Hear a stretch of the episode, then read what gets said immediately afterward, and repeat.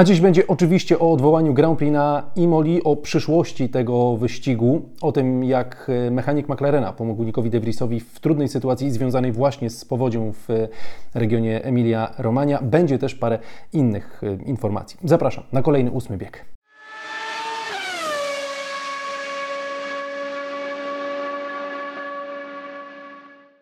Partnerem ósmego biegu jest wypożyczalnia samochodów Odkryj Auto.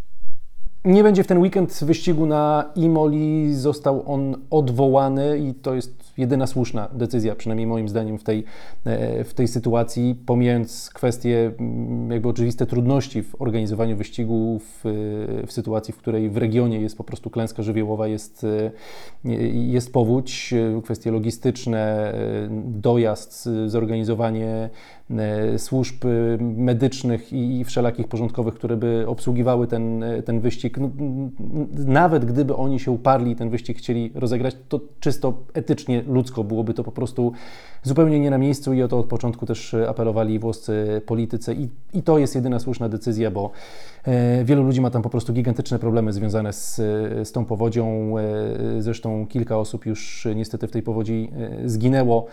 E, więc decyzja jedyna słuszna. Pochwalić można Formułę 1, że ta decyzja zapadła tak szybko, e, bo to pozwoliło choćby kibicom, którzy znam takich, pozdrawiam Pawła, który jechał już na ten wyścig i będąc w okolicach Czech, jadąc kamperem, dowiedział się, że ten wyścig został odwołany i po prostu mógł e, zawrócić. Nie, nie tracił całego dnia na to, żeby tam dojechać i później na miejscu w ostatniej chwili dowiedzieć się, że ten wyścig jednak nie pojedzie, więc za to duże brawa, bo czasami ta decyzyjność w Formule 1 nie była na zbyt wysokim poziomie, a teraz naprawdę stanęli pod tym względem na wysokości e, zadania.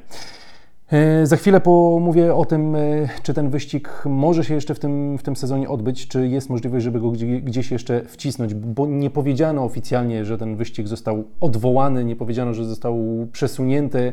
E, na razie to jest odwołane w tym konkretnym terminie, który miał, który miał być. Za chwilę do tego, do tego przejdę, ale jeszcze na temat tej sytuacji. Nick de Vries opisał moment i sytuację, w której sam się znalazł we wtorek wieczorem. E, jechał do Faency, właśnie do, do siedziby ekipy Alfa Tauri. Faenza to jedno z tych miasteczek, które zostało zalane w trakcie właśnie e, powodzi. Mm, no i nie był w stanie dotrzeć do swojego hotelu, nie mógł też wrócić, bo tam cały czas były opady deszczu, więc nagle droga się po prostu skończyła. Nie mógł też wrócić, bo e, też jakby okoliczności na to nie pozwalały. No i utknął gdzieś w jakiejś małej wiosce, w której był jeden hotel w pełni zarezerwowany, ale okazało się, że w tym hotelu mieszka jeden z mechaników e, McLarena, mechanik e, odpowiedzialny w ogóle za, e, za obsługę samochodu na, podczas pit stopów. No i on zaoferował Nikowi pomoc, po prostu Nick skorzystał z jego, z jego pokoju. E, I na drugi dzień e, Nick pisze, że na swoim Instagramie, że w ogóle lobby hotelowe zamieniło się w takie tymczasowe schronienie dla ludzi, którzy stracili dach nad głową. E, I Nick próbował jakoś wrócić do, do domu, bo wiedział już, że wyścig się nie odbędzie. Mm, no ale to też nie było łatwe. Korzystał z jakichś, mówi, bardzo trudnych, bardzo dziwnych dróg i też dzięki pomocy lokalnych służb udało mu się jakoś do tego swojego miejsca pobytu ostatecznie wrócić. Więc to też pokazuje, jak skomplikowana jest tam sytuacja.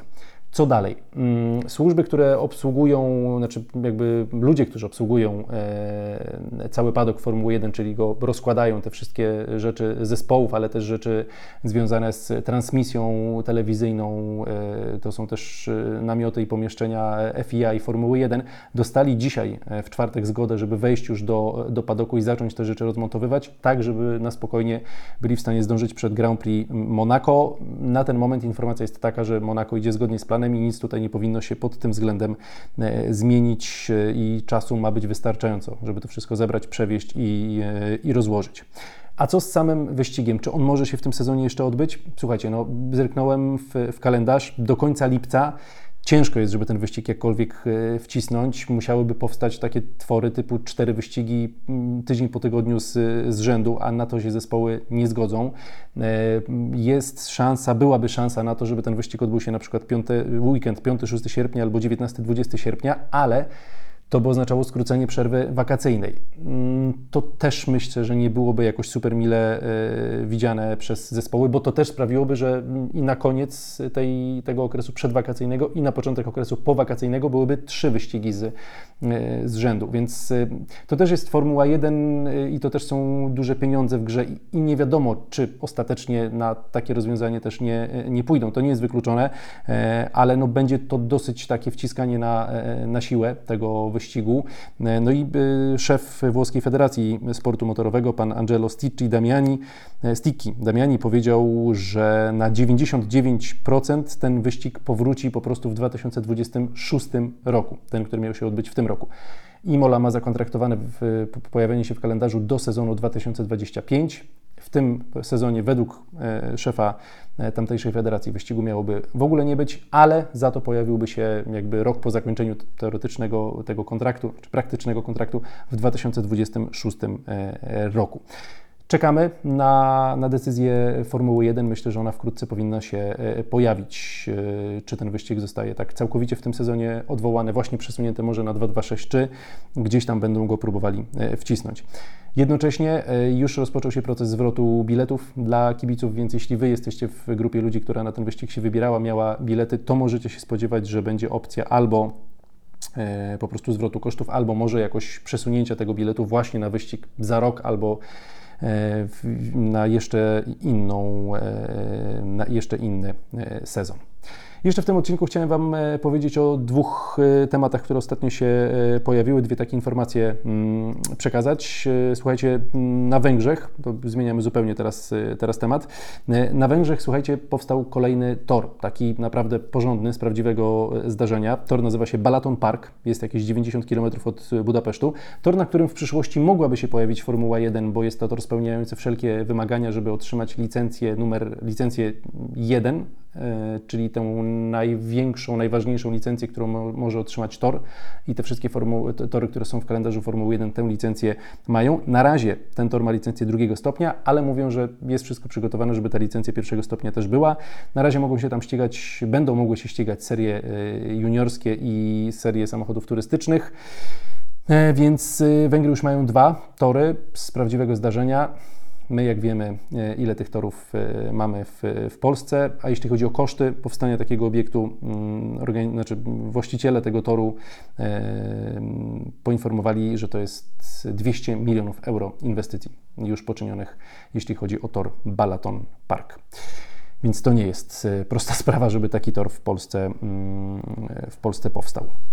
I na koniec, słuchajcie, jeszcze informacja zupełnie z, z innej beczki. E, Max Verstappen, słuchajcie, wbił się do pierwszej trójki najlepiej zarabiających sportowców, którzy nie mają 25 e, lat, znaczy poniżej 25 roku życia. E, Forbes zrobił taką listę, nazwał to najlepiej zarabiający przedstawiciele generacji Z. No i według Forbesa Max Verstappen zarobił w minionym sezonie 64 miliony dolarów. E, z czego 4 były z kontraktów reklamowych, a 60 milionów dolarów to mm, były według Forbesa zarobki Maxa z jazdy w e, Red Bullu. To jest efekt nowego kontraktu podpisanego w, w marcu i też Forbes informuje, że mm, według ich informacji Max ma zapewnione duże nagrody w przypadku wygrywania e, wyścigów czy bycia wysoko w klasyfikacji generalnej danego e, sezonu. I tak miało się te 60 milionów e, uzbierać. Dla porównania na pierwszym miejscu Kylian Mbappé, czyli piłkarz PSG, w sumie 120 milionów dolarów zarobionych mm, i to jest przepaść, bo drugi na tej liście zawodnik sportowy sportowiec, czyli Kyler Murray, gracz futbolu amerykańskiego, zgromadził 70 milionów dolarów, więc tam 6 więcej od Maxa e, Verstappena. Więc e, no, to pokazuje, na jakim poziomie finansowym e, jest ten sport, jak jest lukratywny, jak jest no, jednak prestiżowy, biorąc pod uwagę to, jakie są w nim w nim zarobki, więc no, no to jest po prostu ścisła, ścisła czołówka. Mm, to tyle w tym odcinku. Słuchajcie, widzimy się pewnie na początku przyszłego tygodnia, już przed Grand Prix e, Monaco, pewnie w okolicach poniedziałku. Za dziś Wam bardzo dziękuję. Trzymajcie się. Cześć, cześć.